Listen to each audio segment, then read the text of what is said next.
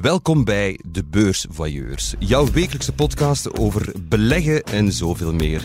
In deze podcast kijken we terug op de voorbije beursweek, beantwoorden we vragen van luisteraars en dissecteren we de portefeuille van een bekende voyeur. Kortom, er is heel wat te doen, laten we er vooral aan beginnen. Hartelijk welkom.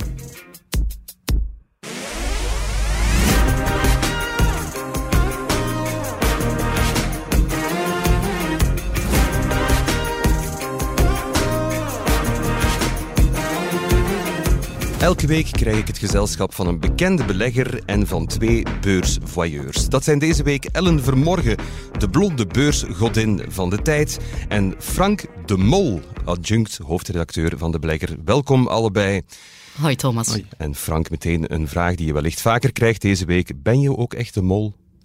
Dat ga ik in het midden laten. Uh, ik weet wat, uh, hoe dat ik ervoor sta. Ja. Maar ik ga dat nog niet uh, bekendmaken. Dat is al direct een heel cryptisch antwoord. Dat belooft. Hartelijk welkom, Frank. Wanneer ben je zelf gebeten door beleggen? Wel, dat uh, was uh, al heel vroeg eigenlijk. Ik denk dat ik toen een jaar of vijftien was. Dat ik eigenlijk al door economische microben gebeten was. En dat is later nog versneld door les te krijgen van professor Roland van der Elst, die eigenlijk ja, het volk leerde beleggen. En uh, dat is eigenlijk mijn mentor een beetje geweest. Daar uh, heb ik ook een uh, eindwerk voor gedaan.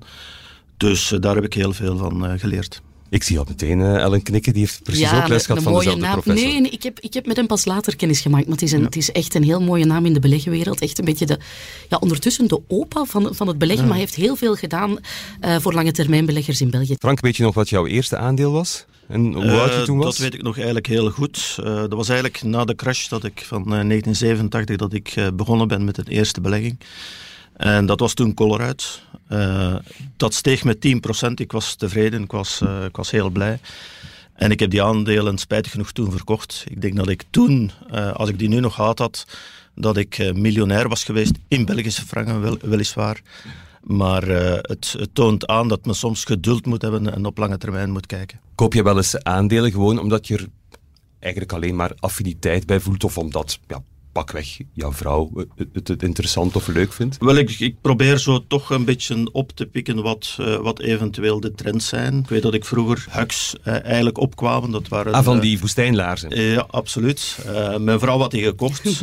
Dat zijn ik zie iedereen lachen, maar dat is echt dat die ja, kan je met je blote ja, voetjes, warm, koud. Ja, ik ben hier precies reclame voor En dat begon uh, ja, altijd meer, je zag dat meer en meer in het straatbeeld opduiken. Dus ik ging eens op zoek uh, gaan naar welk bedrijf zit erachter. Is dat eventueel een beursgenoteerd bedrijf? Dat bleek uh, een Amerikaans bedrijf te zijn, Dekkers. Ik heb dat toen gekocht en dat is inderdaad uh, toen vrij goed gestegen. Uh, dus soms kan het zijn, maar dat is niet alleen bij een vrouw bijvoorbeeld, maar ook bij kinderen is het heel belangrijk om te kijken wat, met wat zijn ze bezig. Ja, dat klopt. Welke bedrijven zitten erachter uh, om ja. zo ergens nog interessante dingen te ontdekken. Maar nog veel belangrijker, Frank, heb je zelf een paar euks gekocht? Uh, ik zelf niet, nee. nee. Het kan maar voor mij. misschien ja, wel. Nee, maar dat is, dat is fijn inderdaad. Ik kijk ook zoveel mogelijk rond in mijn omgeving wat er gebeurt, zeker bij jonge mensen. Ik had een neefje die heel graag met Roblox uh, games maakt. Ja, okay. En dan ook eens gaan kijken, early stage, wat is die Roblox? En uh, ja, het is heel fijn om vanuit je eigen leefomgeving zo wat te snuisteren naar, naar tips. Ja. Heb je nog goede beursdeeltjes gedaan de afgelopen week? Je was vorige week benieuwd naar Ecopak, meen ik me te ja, herinneren. Ja, ja, en ik hoop dat de luisteraars uh, dat hebben gehoord, want de reactie op die cijfers was niet minder dan, uh, dan prachtig. Uh, laat ons zeggen, Ecopak heel sterke cijfers voorgelegd met zijn WAAS-model, Water as a Service. Het gezuiverde water dat zij zuiveren in opdracht van bedrijven doorverkopen in een dienstenmodel. Cijfers waren zeer sterk en de belegger heeft daar navenant op gereageerd. Ik denk dat de koers maandag plus 11 procent is gegaan. Dus ik was heel blij. Ja, het is, een, het is een bedrijf dat me genegen is en ik was blij dat zij op hun cijfers zo mooi konden scoren maandag. Elke week zit er ook een bekende beursvailleur aan tafel en vandaag is dat serie-ondernemer, auteur en fintech-tovenaar Jurgen Engels. Hartelijk welkom. Dag Jurgen. Goedemorgen. Jurgen, wanneer vind jij in godsnaam nog de tijd om aan beleggen te doen? Ja, meestal de zaterdagmorgen. Ik sta altijd vroeg op om zeven uur en dan heb ik zo vijf uur rust in huis en dan lees ik dingen dat ik uh, interessant vind. En dat is het moment waarop je echt ook uh, dingen gaat kopen. Ja, wat surfen en wat lezen en wat de kranten lezen en, uh, en vooral ook bedrijven bekijken. Ik vind dat wel leuk om, uh, om echt zo informatie van bedrijven te lezen, jaarrekeningen en zo, echt de saaie dingen. Oh, zaterdagochtend jaarrekeningen lezen. ja, maar goed, dat, dat, dat, dat, dat is geen wat je moet doen als je echt als je mee wil zijn natuurlijk. Ja. Hoe ben jij er destijds aan begonnen, Jurgen? Ik ben er eigenlijk vrij laat mee begonnen. Ehm, meer vanuit interesse ook, vanuit technologie. En uh, ik, herinner mij het eerste aandeel dat ik ooit gekocht heb als Compaq. Ehm, ik heb dat dan, alleen dat verkocht geweest aan, aan Hewlett Packard. Ehm, maar het is eigenlijk wel relatief laat. en ik, ik vind het wel heel interessant, uh, de analytische kant van de dingen. Dus ik ben nogal iemand die... Ik heb dan ook een, een, een Excel-sheet ooit gemaakt met, uh, met 20 verschillende ratio's en, en, en een aantal dingen die ik dan uh, op die manier bekeek en op die manier eigenlijk ja, de waarde berekende als het ware. Ik heb dat eigenlijk verfijnd, verder verfijnd, verder verfijnd. En nu, nu is dat wel geautomatiseerd, dus moet daar niet zoveel meer aan komen. Maar ja, het is, ik vind dat wel interessant gewoon. Dus de software uh, combineren met, met de analytische kant. Dus, Wauw, oké. Okay. Welk soort belegger ben je zelf, denk je? Um, ja, ik beleg vooral in dingen dat ik, dat ik snap. Dus, dus ik, allee, ik ga mij nooit dingen zien doen dat ik waar ik eigenlijk niks van af weet. Biotechnologie bijvoorbeeld, daar blijf ik ver van af. En ook liefst dingen die je in het alledaagse leven, dat je gewoon kunt rond je zien. Ik vind dat uh, interessant om dingen te bekijken, ook maatschappelijk. Uh, ik heb en Sok gedaan, dus de sociologische kant van de dingen vind ik heel interessant. Dus ik ben altijd aan, aan het kijken van wat doen mensen, hoe veranderen uh, emoties van mensen, hoe veranderen gedragingen van mensen. En daar kun je altijd uit leren. En dan kun je ook zien van tja, zal dat dan een impact hebben op bepaalde bedrijven. En bepaalde bedrijven zijn daar gewoon beter in. Kan je daar een voorbeeld van geven, concreet? Concreet voorbeeld, uh, ja, uh, bijvoorbeeld allee, de Dunkin' Donuts bijvoorbeeld, dat is een, dat is een voorbeeld. Uh, ik vond die koffie daar heel goed, ik kan daar niet mee lachen, maar dat zijn zo van die dingen dat ik denk, tja, dat is toch interessant hoe dat die dat doen. En dus dingen dat ik, allee, dat ik zelf ervaar, dat ik denk van, ah, dat is toch interessant. allee, ik denk ook altijd verder na dan, dan dan, dan, dan de dingen. Uh, ik heb op een bepaald ogenblik gewoon ervaren, uh, Kinepolis, om nu om iets te zeggen. Um, ik heb op een bepaald ogenblik de jaarrekening gezien en dan vastgesteld dat, ja, dat die veel gronden hadden, dat die gronden daar eigenlijk in de, ja, dat die eigenlijk echt wel ondergewaardeerd waren. Op een bepaald ogenblik denk ik, stonden ze 3, 4 euro en ik had dat dan berekend. Van, dat klopt hier toch niet. En, dan heb ik Kinepolis gekocht. Niet omwille van het feit dat ik uh, Kinepolis dat ik een grote filmfanaat ben, maar gewoon omdat ik dacht, ja, die, die gronden zijn een pak meer waard dan, uh, dan, dan, allee, dan de, de waarde van Hans bedrijf. En effectief, ja, ik heb ze dan later verkocht. Denk in 2015, 16 heb ik ze net iets te vroeg verkocht. Uh, maar bon, dat zijn van die dingen dat ik dat leuk vind. Dus, uh. Jurgen, je hebt een haarscherpe radar voor nieuwe opportuniteiten en onontgonnen goud. Uh, als anderen het plantje zien, heb jij al lang daarvoor het zaadje gespot. Hoe speel je dat eigenlijk klaar? Veel spreken met mensen. Ik, uh, ik, allee, ik, ik, luister altijd. Ik spreek ook wel veel, maar ik luister ook heel goed naar mensen.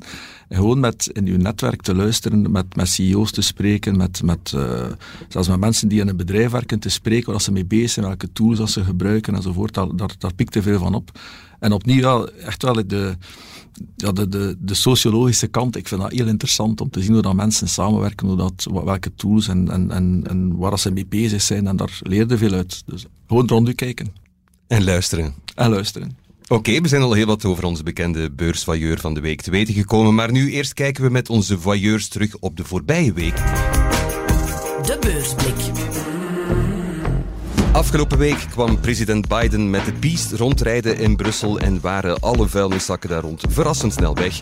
En de opmerkelijkste klappen werden deze week niet door de beurs, maar wel eerder door Will Smith uitgedeeld. Maar goed, wat hebben onze beursvailleurs onthouden van de voorbije beursweek?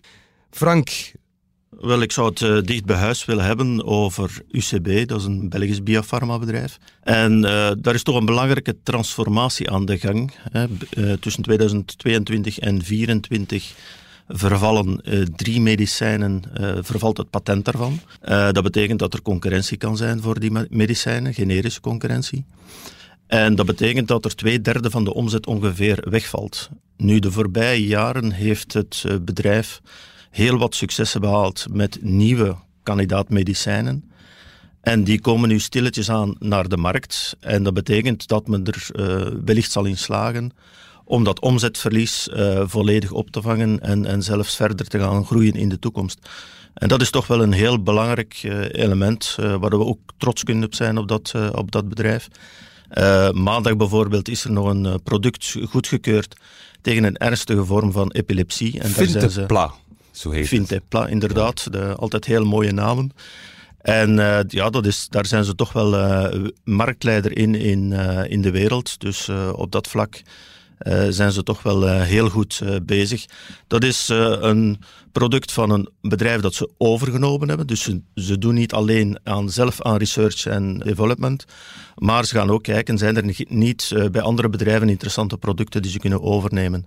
En dat maakt dat men nu met een goed gevulde productpijplijn zit. Ik was een beetje verrast, hadden je een tegenvaller? Ja, in oktober was het eigenlijk met COVID, ja. hè, dat de inspectie van de Europese fabrieken niet kon doorgaan. daardoor was de markt eventjes ontgoocheld, maar dat heeft niet lang geduurd. En dan is geleidelijk aan toch wel, toen dat duidelijk werd wanneer dat de FDA nu zou beslissen en de Europese inspecties achter druk zijn, dat, dat het effectief ja, dan, dan die opwaardering kreeg van het aandeel. Maar nu als je op heel lange termijn gaat kijken, is UCB eigenlijk een, een heel mooi uh, heeft het een heel mooie trackrecord. Op 30 jaar heb ik eens gaan nakijken, is de bel 20 maal 4 gegaan. Het aandeel UCB maal 21. Dus dat zegt toch wel iets. Niet alleen op de korte termijn, maar ook op de heel lange termijn. Ik zie intussen tijd Jurgen ook de hele tijd notitie maken. Uh, ik vroeg me af, wat, wat, heb jij met de biofarmacie, met de groep uh, eh, UCB? Wel, ik was eigenlijk een notitie aan het maken, omdat ik, um, zoals ik aangegeven heb, um, ik ken daar eigenlijk relatief weinig van, van, van biotechnologie, dus ik volg dat ook niet. Um, omdat ik dat, ja, inderdaad, ik weet wel uiteraard de fases, fase 1, 2, 3 enzovoort. Ik weet ook dat de risico's daar groot zijn. En ik weet ook dat je eigenlijk uh, die markt wel goed moet kennen. Dat je die moleculen en dat je de scheikunde achtergrond en zo toch een beetje moet snappen. En ik snap daar dus niks van, dus vandaar dat ik daar ook niet in investeer. Uh, maar ik vind het wel interessant. Ik vind het wel, allez, ik vind het wel een mooi bedrijf natuurlijk, maar, maar het is niet dat, dat in mijn portefeuille zit. Ja, het klopt wel dat het inderdaad voor een leek vaak moeilijk te doorgronden is als je dan die persberichten krijgt die enorm ja, ja, medisch-technisch zijn. Frank, ja, jij moet je daar dan helemaal in in onderdompelen. Anderzijds is het een hoeksteen van, van onze markt en van onze economie. Hè. Die biofarma, er gebeuren prachtige ontwikkelingen. Um, ja, ik, uh, ik kijk daar met heel grote interesse naar. Ook al heb ik een beetje de reserves die jij hebt, Jurgen. Dat het inderdaad, ja, je leest dat met andere ogen dan, dan een echt uh, medicus of iemand die medisch En ik denk dat er nog een verschil is tussen een bedrijf zoals UCB en een bedrijf zoals, uh, ik zeg maar iets, Galapagos of, of Bone Therapeutics, andere biotechbedrijven, waar dat het dikwijls ja, nog in een onderzoeksfase zitten, waar dat producten nog niet op de markt zijn. En dan ja, is het uh, ja of nee. Hè. Terwijl dat uh, ja, UCB is, is niet één product, het is heel veel producten. Uh, men heeft al een trackrecord, men heeft al onder, onderhandelingen veel gevoerd met, met de Amerikaanse autoriteiten. Men weet hoe dat men de juiste weg moet nemen naar, naar een marktlancering. Dus ik denk dat daar wel een groot verschil is met inderdaad de klassieke biotechbedrijven. Het is een mooie manier om het te omzeilen ook, denk absoluut, ik, Frank, wat jij zegt. Absoluut. Als je dan niet zo onderlegd bent in dat medische, om te kijken wie manage dat bedrijf? Wat is mhm. hun track record? Wat, is een, ja, wat hebben zij al bewezen in het verleden? En dan krijg je toch ook al dikwijls wel een mooie indicatie van uh, ja, hoe goed of slecht uh, dat bedrijf is. Ja, ik moet bij, bij goedkeuring denk ik. Hè. Een keer dat het goedgekeurd is, je kunt wel zien hoeveel, wat is de marktpotentieel en, ja. en hoe werkt dat en hoe zien die cashflows eruit enzovoort. Dus je kunt er wel iets mee doen. Maar ik denk tegen dat je daar bent, ja, zoals dat gezegd, ze hebben verschillende producten in verschillende stadia. Je moet daar toch ergens kunnen een indicatie of, of een inschatting van maken. Want als er mhm. één uitvalt, ja, dan is dat onmiddellijk een, een groot effect op, op, op de berekeningen van uw cashflow en, en van uw NAV. Hè. Maar daar is het ook belangrijk van, van goed contact te houden met het bedrijf zelf. Ik ga er ook elk jaar naartoe oh ja. om, om alles te gaan overlopen van hoe dat gesteld is met de verschillende producten, de, de ontwikkeling, eh, de fases, wat, wat kan er verwacht worden qua verkopen. En ik moet zeggen dat ze daar uh, redelijk betrouwbaar zijn wat, wat betreft de informatie. Want, hè, want we moeten toch altijd een beetje filteren van... Soms kan een, uh, een management te optimistisch zijn. Dat moet je dan ook een beetje proberen te doorzien.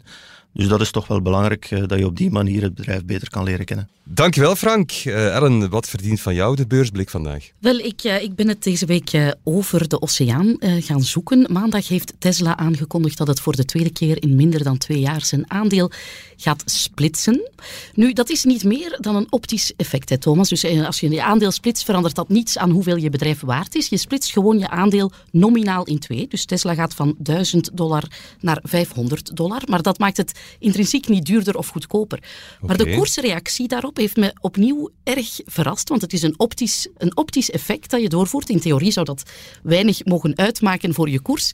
Maar wat gebeurde? Tesla uh, rukt fenomenaal op op dat nieuws met 8%. En, en bij Tesla is 8% enorm veel. Het is een groot bedrijf. Dus zij voegen in één dag ongeveer uh, ja, 80 miljard dollar beurswaarde toe. Ongeveer een hele Volkswagen die zij in één dag puur en alleen door die splitsing aan te kondigen voegen zij een, uh, ja, een gigantische uh, hoeveelheid beurswaarde toe. En hoe is dat te verklaren? Ja, puur op een sentimenteel effect. Dat is het grappige. Dus, dus Tesla wordt niet duurder of goedkoper. Ze, ze worden gewoon optisch goedkoper, maar ze worden laagdrempeliger. En daar is in deze markt heel veel om te doen. Je hebt jonge beleggers die niet die grote bedragen investeren, die in kleine brokjes en, en hortjes investeren. En als je dan maar 500 dollar moet neertellen voor een aandeel in plaats van 1000, maakt dat de drempel lager voor, ja, voor jongere beleggers. Ook bijvoorbeeld voor, voor Amerikanen die heel veel ja, werknemersparticipatie doen, dus die heel veel aandelen krijgen in het kader van hun verloning, maakt het ook meer beheersbaar, beheerbaar, manageable als, als je aandeel goedkoper is.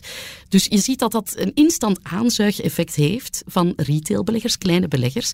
En dat heeft me ja, andermaal uh, verrast in hoeverre ja, dat, dat, dat dat optische effect, zo'n kleine ingreep, zo'n ja. zo'n koersreactie kan triggeren. Ja. ja, de psychologie van de, van de mens is een raar ding. En daar moet ook rekening mee houden. Hè. Dus dat is ja. een mooi voorbeeld, denk ik, hier. Van, terwijl dat het eigenlijk niks verandert aan het bedrijf, dat het toch een effect heeft. Ja, een effect van één hele Volkswagen in een dag die Tesla kan toevoegen aan beurswaarde. Dus. Beste Jurgen, wat trok jouw aandacht de afgelopen week? Ik heb een artikel gelezen over, uh, over pilletjes tegen inflatiekoers. Dus het gaat over inflatie. Um, ik heb uh, les gekregen van professor De Leek uh, op Universiteit Antwerpen. En ik herinner mij, allee, die was heel fanatiek over inflatie. Hij legde uit wat, dat inflatie juist is. En hij zei altijd zo inflatie in de vlam blazen. Daar stond hij van voor. heel gepassioneerd les te geven om uit te leggen wat dat inflatie is. En natuurlijk, inflatie allee, heeft te maken met stijgende prijzen. Um, met het gevolg dat u, dat uw spaargeld uiteraard wegsmelt. Maar er heeft ook een, een andere kant, denk ik in die, in die zin dat als er inflatie is, moet je eigenlijk schulden maken. En in het artikel werd er geen echt naar verwezen. Maar ik vind dat wel interessant, want als je met een vaste rentevoet zit en je zit met inflatie, ja, dan kun je natuurlijk, als je dingen koopt, ja, dan betaalt het eigenlijk terug je schuld met geïnflateerd geld. En dat is ook wel interessant, denk ik, die, die benadering. Ja, de auteur, ik zal het voor de, voor de luisteraar meegeven, denk dat je naar een stuk van Stefan Michielsen, ja. van onze, ja, van, uh, ja, onze senior writer... Uh, refereert een mooi, heel mooi stuk. Ja, ik gaf eigenlijk aan op het einde dat ja, technologie wel eens uh, interessant zou kunnen zijn, want als je technologische verbeteringen doet, ja, dat je dan in feite wel een loonstijging krijgt, maar als je efficiënter wordt door technologie te gebruiken, ja, dat je dan eigenlijk wel een stuk onder controle kunt krijgen. Dus dat is eigenlijk een beetje een stuk ja, aangeven van kijk, technologie is toch belangrijk en investeren in technologie, zelfs voor uh, gewone bedrijven, is, is super belangrijk, omdat dat de, uw effect op, op inflatie voor een stuk kan teweeggeven als werkgever dan. Hè. Ik had uh, ook begrepen, voor zover dat ik dan dat soort artikel al begrijp natuurlijk, maar dat ook gezinnen gaan een, een duit in het zakje moeten doen door bijvoorbeeld indexering deels op te schorten en, en daartegenover dan... Uh, ja, dat eigenlijk een beetje een blokkeren van de prijs van arbeid tegenover blokkeren van de prijs van Dat moet van twee kanten komen. Ja, ja. Dit, dit, dit, verhaal zit, zit wat verder naar de beur, van de beurs weg, hoewel het heel, heel relevant is. Ik vond het interessanter, um, in plaats van, ik denk dat de index vaak een, een ja, zonder te politiek te willen worden, een te grote uh, zondebok is in, in dat verhaal of te vaak geviseerd wordt. Stefan opperde ook uh, in zijn stuk van de bedrijven, als die een beetje milder, een, een, stukje van hun winstmarge zouden opofferen om die prijzenschok zelf wat te absorberen. Ja, Als belegger geen populair dat standpunt. Dat gaan ze niet doen, denk ik. Dat gaan ze niet doen. Maar dat zou ook een stukje kunnen zijn. Ja. En je ziet nu de, de, de pricing power is super belangrijk op dit ja. moment. Bedrijven die hun prijzen, hun hogere grondstoffen kunnen doorrekenen, zijn oppermachtig. Maar dat houdt die vicieuze cirkel van die inflatie uh, in stand, want zij rekenen het door aan ons allemaal, aan de consument. En zolang dat ook niet voor een stukje doorbroken wordt, dat bedrijven ja, gaat dat, gaat dat zich in stand houden en krijgen we misschien mogelijk nog een erger effect zijn, een economische recessie. Ja. En dan gaan prijzen ja, ja. automatisch terugvallen. Dat zie je nu al. Hè. Je ziet dat al eigenlijk bij gezinnen, mensen met, die met twee gaan werken, die twee kinderen hebben, door die prijsstijgingen, die kunnen hun rekeningen niet meer niet betalen. Meer betalen en het effect daarvan is dat de mensen zeggen, oké, okay, ofwel ga ik minder consumeren, of ga ik andere producten gaan kopen, luxueuze producten, minder vervangen door minderwaardige producten enzovoort. Dus het effect, denk ik, op de economie is zeker niet te onderschatten. En ik denk dat dat wel een hele grote uitdaging is. En je ziet dat eigenlijk al, dat is denk ik wel, die inflatie zorgt er eigenlijk voor dat je dingen ziet die je tien jaar geleden niet zag, waarbij dat uh, gezinnen met twee en twee kinderen, dat die echt wel de moeilijkheden hebben om de touwtjes aan ja, elkaar dat, te, te knopen. Dat is, dat is tragisch, een probleem. Ja. Twee verdieners die niet er meer uit geraken, ja, dat is potentieel echt ja, een bom die je kan leggen onder Absoluut. je economie. Hè. Dan heb je potentieel een veel erger verhaal. Ja. Stevige groei, vertraging, recessie, waarbij je dan uh, prijzen, we zullen dan wel automatisch dalen, maar de schade die je dan hebt aangericht is potentieel veel groter. Ja, absoluut. Beste valueurs, uh, genoeg gepalaver tot dusver tijd om beurslevens te redden, of het is te zeggen dat van onze luisteraars. De hulplijn. In De Hulplijn stellen we ons graag de diensten van onze luisteraar. Waar ligt u wakker van? Welke vreemde beurskronkel doet u peentjes zweten? Elke week werpt een luisteraar een persoonlijke vraag in de groep waar onze beursvailleurs zo goed mogelijk advies op proberen te geven. En deze keer komt de vraag van Robbe Lamere. Hallo, dag Robbe. Hallo. Hey, beste Robbe. Hoe oud ben jij? Uh, 21 jaar. 21 jaar, dan ben je nog aan het studeren, neem ik aan? Of... Ja, dat klopt. Ja. Wat doe je precies? Um, ik studeer nu um, handelsingenieur in de beleidsinformatica. Nu in mijn vierde jaar, eerste master dus. Oké. Okay. En je bent ondertussen, lees ik in jouw mail, ook al ondernemer. Ja, dat klopt. Het is nu ongeveer een groot jaar, zeker. In, ik denk november 2020 ben ik begonnen samen met mijn vriendin uh, voor het verkopen van een aperitief. Allee, het produceren en verkopen eigenlijk van een aperitief. Oeh, een aperitief, ja, vertel meer. Ik ben afkomstig van de Westhoek in West-Vlaanderen en daar is het aperitief uh, Picon van Blanc zeer gekend. Ja, en het ja. is eigenlijk een soort... Uh... Het gaat, gaat, verder dan die streek hoor, maar... maar... wel, ja. maar goed, Eh, ja. Ja, wel, uh, dus er zijn een soort Picon van Blanc, een beetje aangepast met een geheim oud familiereceptje die we zo'n jonge twist willen geven en zo op de markt. Ah, heerlijk. Robbe, ik ben, hier zit een grote fan van Picon van Blanc, dus ik, uh, ik ga dat zeker een keer komen proeven. Ik sluit er mij graag bij aan, Robbe. Maar eerst een uh, prangende vraag van jou, Robbe. Wat wil je eens vragen aan onze voyeurs? Uh, wel, het is eigenlijk um, een beetje algemeen. We horen vaak nu de inflatiecijfers gaan omhoog, de, de kostprijzen gaan omhoog voor de bedrijven. Wij zelf voelen dat ook eigenlijk. Vele grondstoffen, allee, de energieprijzen, dat is algemeen gekend, maar ook grondstofprijzen, karton, glas enzovoort, dat stijgt sterk. Uh, mijn indicatie is een beetje dat dat vaak doorgeprijsd wordt naar de eindconsument, maar ik vind dat een beetje, allee, ik zie dat niet houdbaar naar de lange termijn en ik vroeg me af, bij jullie dan, welke analyse jullie daar nu op maken? Houden jullie daar nu al rekening mee bij toekomstige investeringen of bij huidige investeringen, bijvoorbeeld op de beurs, qua rentabiliteit en, en zulke zaken eigenlijk? Wat denk jij, Jurgen? Ik zie gewoon in bedrijven dat het eigenlijk, een beetje raar wat ik zeg misschien nu, maar dat het ideaal moment is om, om prijsstijgingen door te duwen. En normaal als je prijsstijgingen doorduwt, dan uh, gaan je klanten zeggen, ja, die prijsstijging is een probleem, maar vandaag heb je het perfecte excuus van gezegd, ja, maar er is inflatie en uh, dus is het normaal dat de prijzen stijgen. Het wordt ook makkelijker ja, aanvaard door de, door de klanten. Natuurlijk, er zit maar zoveel rek op tot op het moment dat die klant zegt, ja, dat is veel te duur en ik ga een alternatief gaan zoeken. En in plaats van picon ga ik uh, witte wijn drinken. Dus, dus moet daar ook wel voorzichtig mee zijn natuurlijk. Langs de andere kant is er ook een economische realiteit. Hè. Als je je goederen die je aankoopt om je ding te produceren, als die duurder zijn, dan moet je toch een stuk doorrekenen. Dus ik denk dat je zeker een stuk kunt doorrekenen. Natuurlijk is het economisch nu ook wel zeer goed. Dus de meeste bedrijven hebben zoiets van, ja, het gaat economisch goed. Uh, mijn orderboek zit vol, dus waarom zou ik een stuk opvangen van die inflatie? Ik reken dat gewoon door en ja, de klanten moeten het maar betalen. Als we het nu specifiek op, op Robbe, zijn, zijn start-up, mikken, klein bedrijfje, familiebedrijfje, leuk verhaal. Uh, kan, kan je, is dat slim om daar direct die prijs door te rekenen of ga je daar zelfs misschien iets meer permitteren in prijsstijging? Ja, ja je moet natuurlijk zien uh, ja, dat je eraan uitkomt, uh, Robbe, aan het eind van de rit. Maar ik, ik denk, de kosten gewoon doorrekenen is, is altijd wat makkelijker gezegd dan gedaan. Het is heel ja, gevoelig voor ook hoeveel concurrenten heb je. Hè? Hoe, rekenen zij, allez, hoe, hoe, rekenen zij de prijzen door? Je ziet dat, dat het nu echt een, een... Ja, bij de echte grote, grote bedrijven, wat jouw bedrijf nog niet is, ik neem, ik neem niet weg dat je het ooit gaat worden, maar dat je echt ziet dat bijvoorbeeld de McDonald'sen van deze wereld, die voeren 8 à 9 prijsverhogingen verhogingen uh, bijna door in, in de afgelopen twee kwartalen, laat ons zeggen. Maar als kleintje moet je je product nog zetten. Jij moet je Picon Vin Blanc nog, nog zetten in de markt. En je moet dat doen aan een manier die voor je klant... Je wilt dat product een beetje op schaal brengen, neem ik aan. Of een beetje op volume brengen. En dan moet je dat doen aan een prijs die niet meteen... Uh, ja, hoe moet ik het zeggen? Mensen gaat, gaat afschrikken. Dus een heel moeilijke evenwichtsoefening uh, ja, ja, naar prijszetting in deze markt. Uh, maar ik denk, het gewoon doorrekenen... Ja. Nee, ik ben, ben, allee, ben uiteraard akkoord met het feit... Als het een klein bedrijf is en hij moet zijn markt nog maken...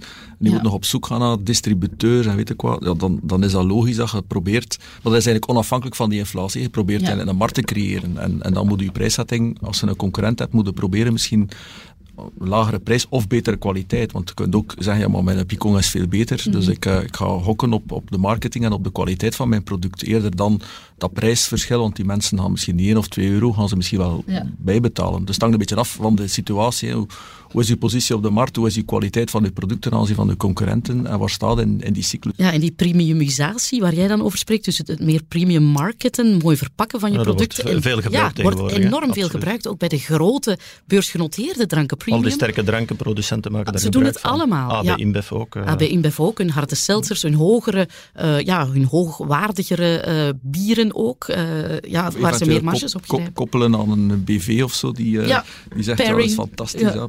Pairing doen. Allee, je, hebt, je hebt heel veel marketing tools om toch ja, ondanks het feit dat je, dat je via de marketing je product kunt aanprijzen, dat dat geen effect heeft op je prijs, dat dat bijna ja, prijsinaelastisch is. Hè, dat je gewoon Robbe, kunt... ben je daar hard mee bezig met te zorgen dat het eruit ziet als de, de allerbeste Picon Vin Blanc van, van heel België? We zijn er wel sterk mee bezig, omdat we de adres een bepaalde concurrentie en wij proberen toch wel, de verpakking is, is anders dan de rest, denk ik. Wij gebruiken een beugelfles.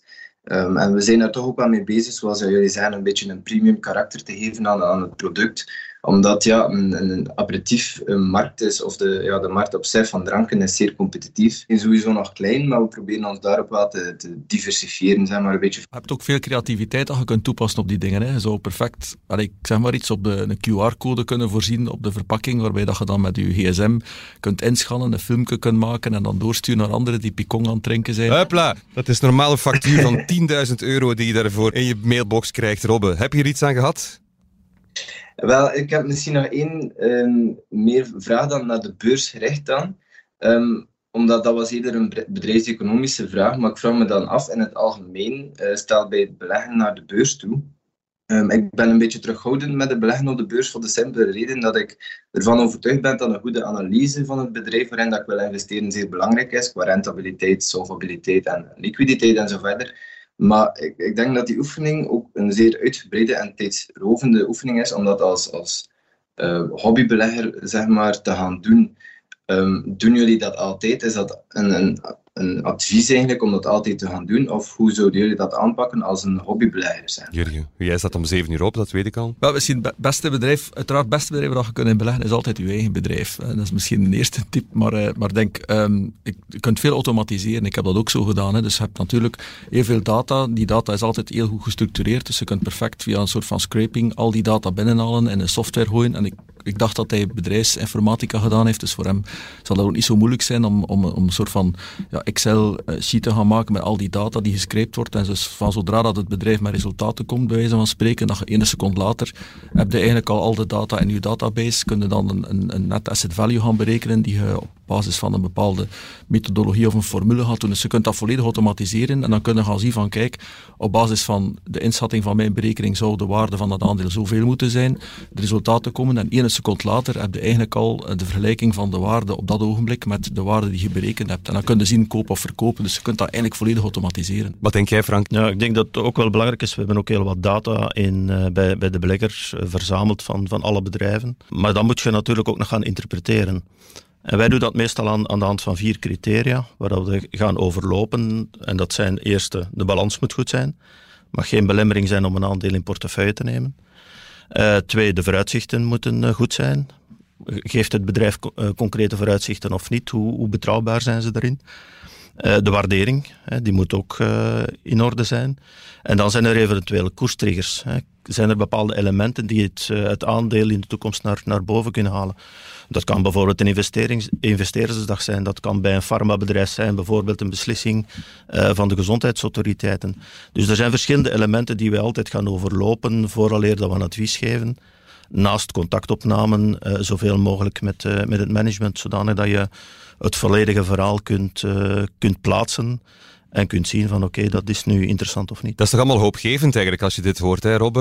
Een hoop gouden eh, raad van, van onze beursvailleurs. Ik hoop dat je er iets aan gehad hebt, beste Robbe. Ja, zeker. Dank u wel voor de informatie. Met heel veel plezier. nu gaan we allemaal massaal sloten picon kopen om deze arme student-ondernemer en onze arme lever een boost te geven.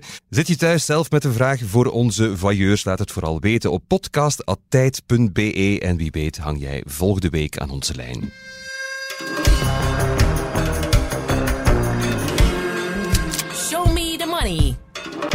In Show Me The Money besteden we de vragen eens uit. En dit aan de lieftallige, maar doortastende en soms erg ongepaste vragencomputer van de tijd, Wanda Buffett.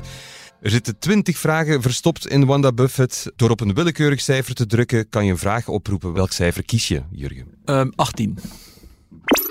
Wat was je beste belegging? Heerlijke vraag. Het antwoord hoor je zo meteen na dit.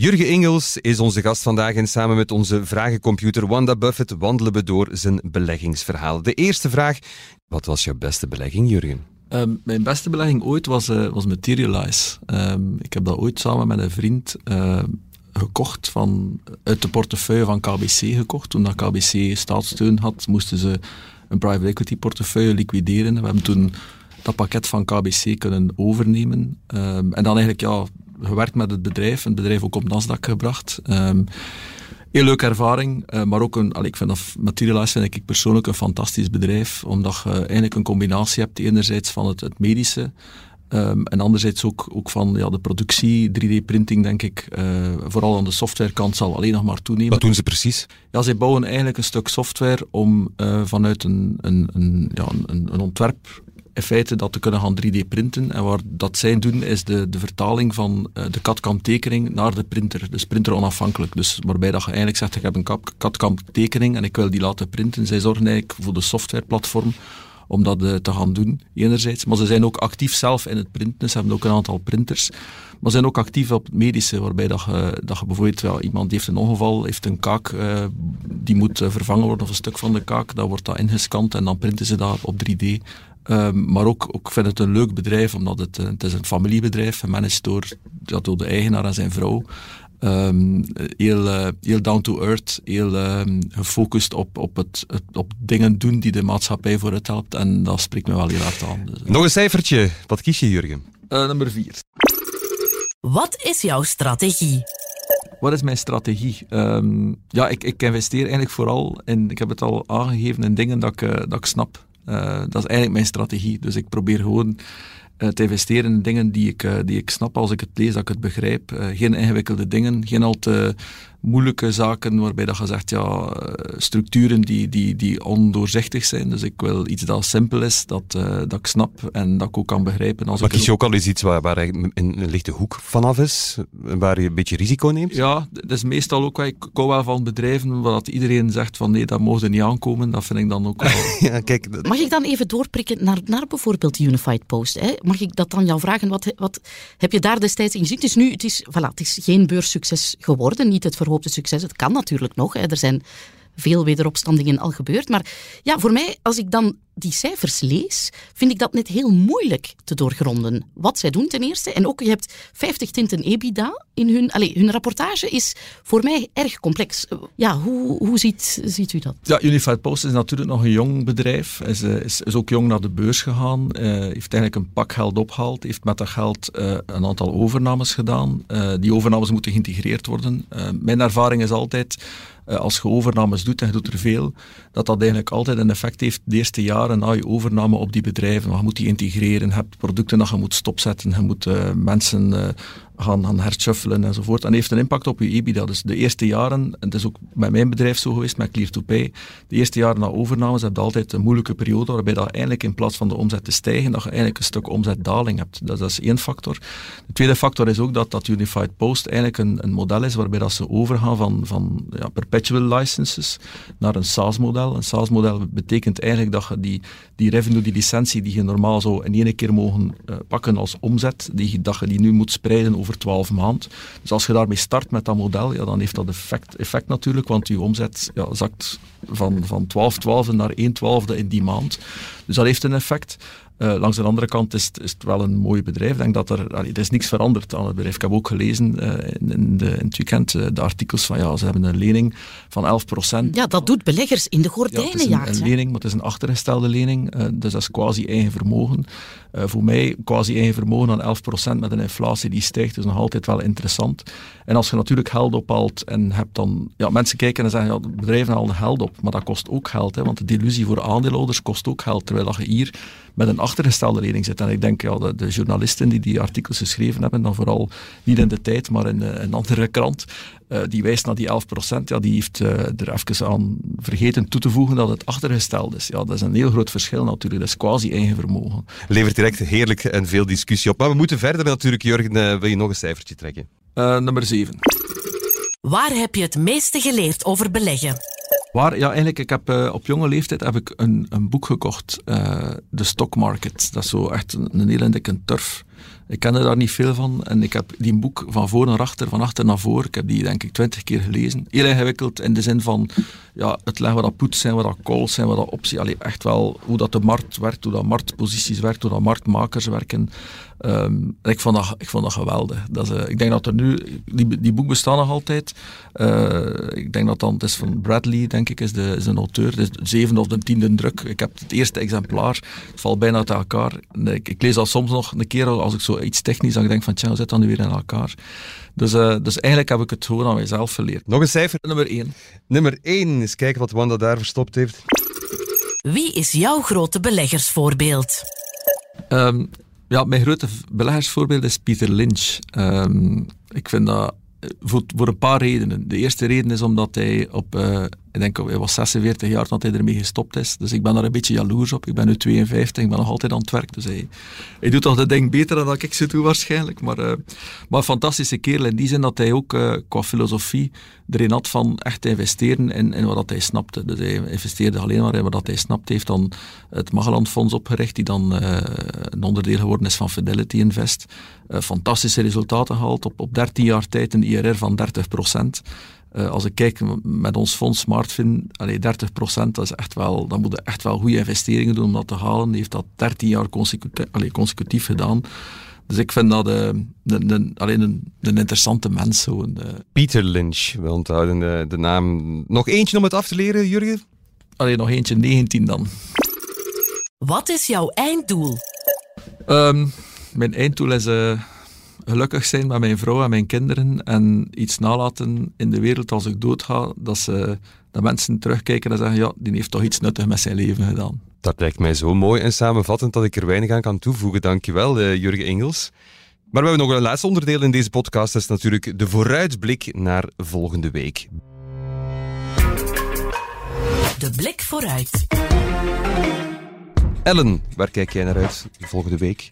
Wel, Thomas, ik zat terwijl je de vraag stelde mijn, mijn hersenen wat te pijnigen. Ik heb, uh, ja, de, de, nieuwstroom gaat een beetje stilvallen. We zitten paasvakantie uh, volgende week. Dus dan, ja, de meeste bedrijven zijn de revue gepasseerd met hun cijfers. Dus ja, we gaan een beetje een rustiger uh, beursvaarwater, tenminste wat cijfers betreft, meemaken. Iets waar ik wel naar uitkijk is een nieuwsdossier dat heel heet is en hangend nu. En dat is ja, het nieuws dat, dat deze week uitbrak, dat de, het Belgische management van PostNL uh, in de cel zit naar vermeende wantoestanden. Um, en ik ben benieuwd hoe dat dit dossier uitspeelt en hoe het op beursgenoteerde postbedrijven gaat wegen. Kan het bijvoorbeeld Bpost wat meer opliften, uh, ja dan nee. En gaat het nog met uitstellen effect hebben op PostNL? Want bedrijven zijn niet immuun voor, voor dat soort nieuws. We hebben bij Orpea gezien, uh, die zorguitbater in Frankrijk, dat alles wat naar uh, ja, potentiële schandalen ruikt, toch bij beleggers